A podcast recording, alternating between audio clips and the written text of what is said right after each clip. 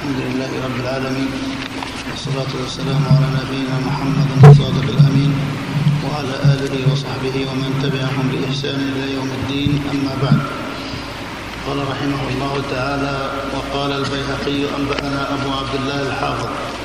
حدثنا أبو محمد أحمد بن عبد الله المزني. حدثنا يوسف بن موسى حدثنا هشام بن خالد. حدثنا الوليد بن مسلم حدثني عبد الله بن المبارك عن أبي بكر الهدلي عن عكرمة مولى بن عباس عن شيبة بن عثمان. رأيت رسول الله صلى الله عليه وسلم يوم حنين قد عري. عن عكرمة إيش؟ عن عكرمة نعم.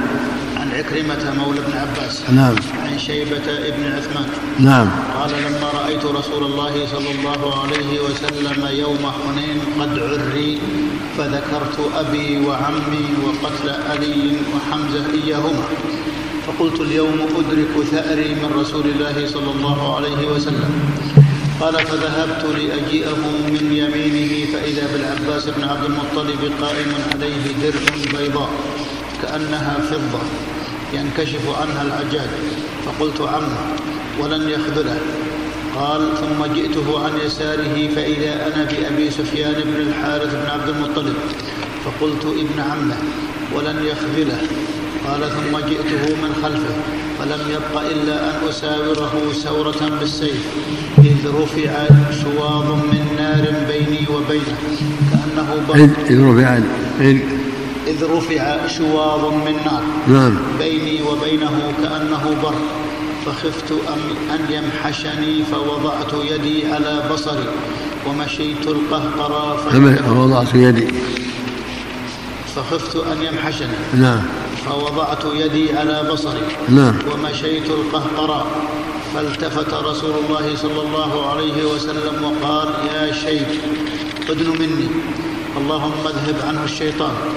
قال فرفعت إليه بصري وله أحب إلي من سمعي وبصري.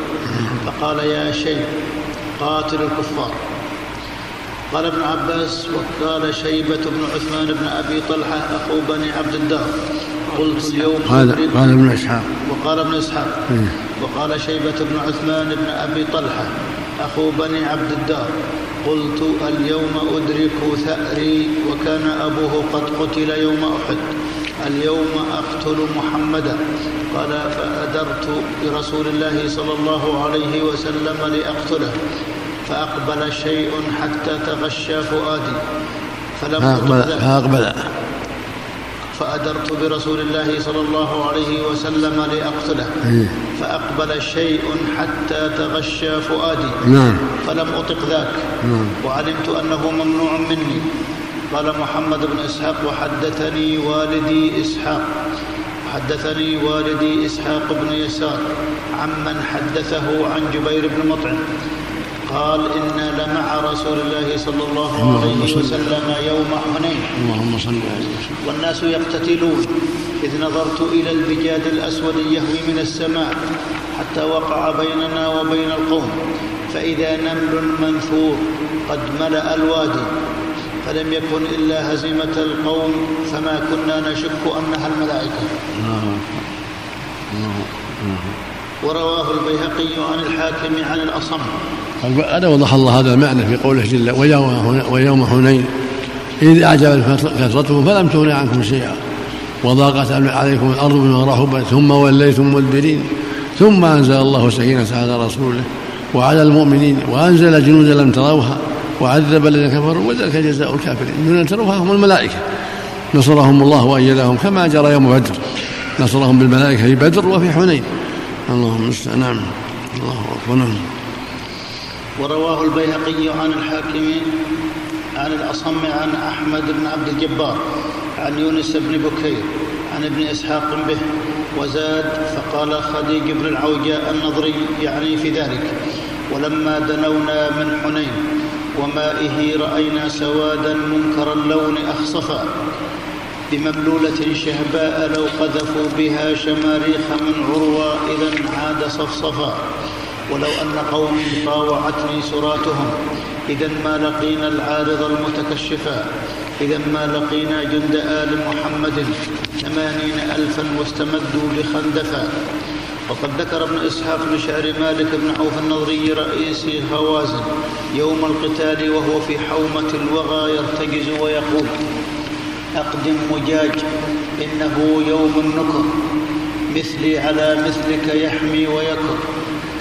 إذا أضيع الصف يوما والدبر ثم اجزألت زمر بعد زمر. كتائب, بكل كتائب يكل فيهن البصر.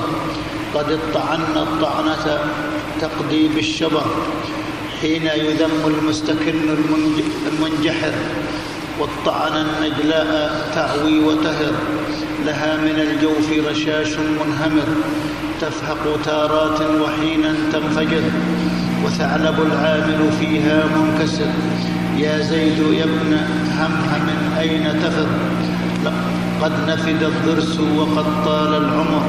قد علم البيض الطويلات الخمر أني أني في أمثالها غير غمر إذ تخرج الحاضر من تحت الستر وذكر البيهقي من طريق يونس بن بكير عن أبي إسحاق أنه أنشد من شعر مالك أيضا حين ولى أصحابه منهزمين. وذلك قوله بعدما أسلم. وذكر البيهقي؟ وذكر البيهقي من طريق يونس بن بكير عن أبي إسحاق أنه أنشد من شعر مالك أيضا حين ولى أصحابه منهزمين وذلك قوله بعدما أسلم وقيل هي لغيره. اذكر مسيرهم اذكر مسيرهم والناس كلهم ومالك فوقه الرايات تختفق ومالك مالك ما فوقه أحد يوم حنين عليه التاج يأتلق حتى لقوا الناس حين البأس يقدمهم عليهم البيض والأبدان والدرق فضاربوا الناس حتى لم يروا أحدا حول النبي وحتى جنه الغسق حتى تنزل جبريل بنصرهم فالقوم منهزم منها ومعتنق منا ولو غير جبريل يقاتلنا لمنعتنا إذا أسيافنا الفلق وقد وفى عمر الفاروق إذ هزموا بطعنة كان منها سرجه العلق. قال ابن إسحاق ولما هزم المشركون وأمكن الله رسوله منهم قالت امرأة من المسلمين قد غلبت خير الله خيل اللاتي والله أحق بالثبات. وقال ابن هشام قد أنشدنيه بعض أهل الرواية للشعر. قد غلبت خير الله خيل اللاتي وخيره أحق بالثبات. وقال ابن إسحاق فلما انهزمت هوازن استحر القتل من ثقيف في بني مالك فقتل منهم سبعون رجلا تحت رايتهم وكانت مع ذي الخمار. فلما قتل أخذها عثمان بن عبد الله بن ربيعة بن الحارث بن حبيب فقتل بها حتى قتل. فأخبرني عامر بن وهب بن الأسود أن رسول الله صلى الله عليه وسلم لما بلغه قتله قال أبعده الله فإنه كان يبغض قريشا. وذكر ابن إسحاق شطرين شطرين فقاتل بها حتى قتل الله.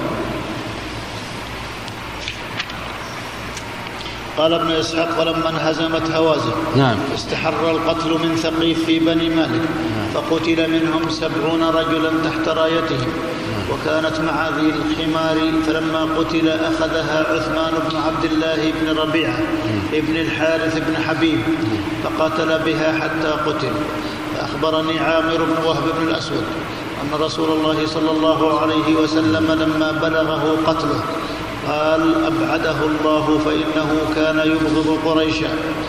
وذكر ابن إسحاق عن يعقوب بن عتبة أنه, قد أنه قتل مع عثمان غلام له نصراني.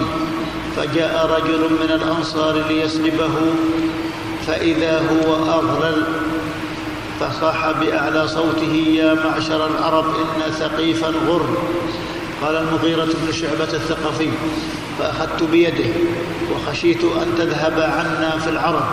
فقلت لا تقل كذلك. فداك أبي وأمي.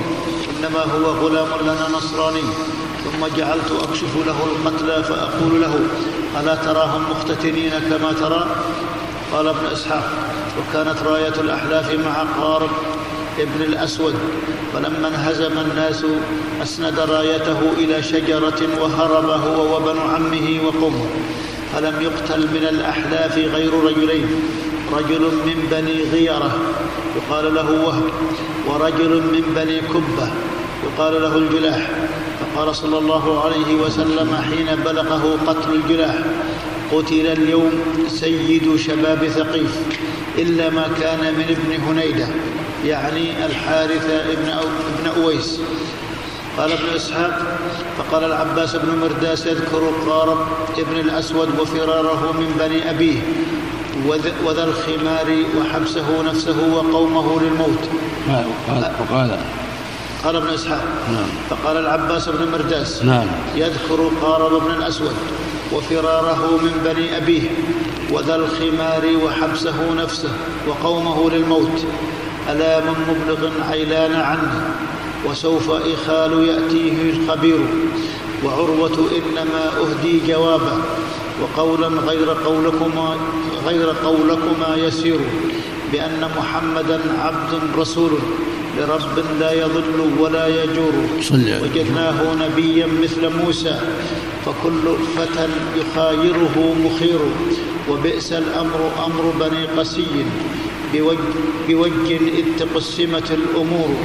أضاعوا أمرهم ولكل قوم أمير والدوائر قد تدور فجئنا أسد غابات إليهم جنود الله ضاحية تسير نؤم الجمع جمع بني قسي على حنق نكاد له نطير وأقسم لو هم مكثوا لسرنا إليهم بالجنود ولم يغوروا فكنا أسد لية ثم حتى أبحناها وأسلمت النصور ويوم كان قبل لدى حنين فأقلع والدماء به تمور. من الأيام لم تسمع كيوم ولم يسمع به قوم ذكور. قتلنا في الغبار بني حطيط على راياتها والخيل زور.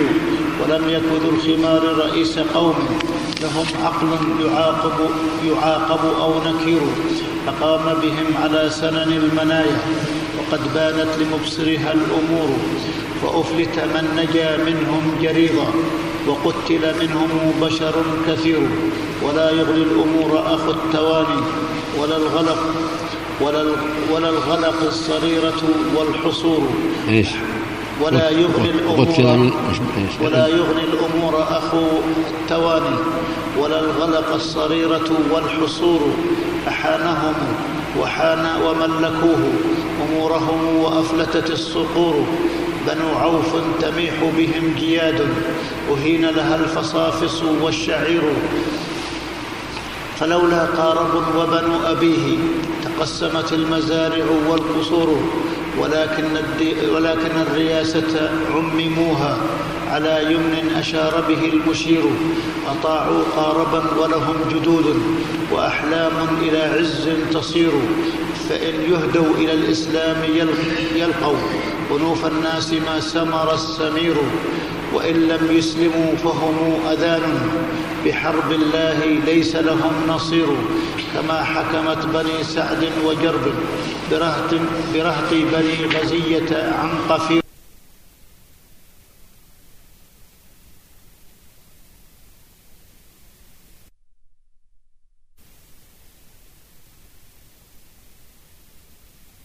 بني معاوية بن بكر إلى الإسلام ضائنة تفور فقلنا فقلنا أسلموا إنا أخوكم وقد برأت من الإحن الصدور كأن القوم إذ جاءوا إلينا من البغضاء بعد السلم عور ولما انهزمت هوازن وقف ملكهم مالك بن عوف النضري على ثنية مع طائفة من أصحابه فقال قفوا حتى تجوز ضعفاؤكم وتلحق أخراكم قال ابن إسحاق فبلغني أن خيلا طلعت ومالك وأصحابه على الثرية.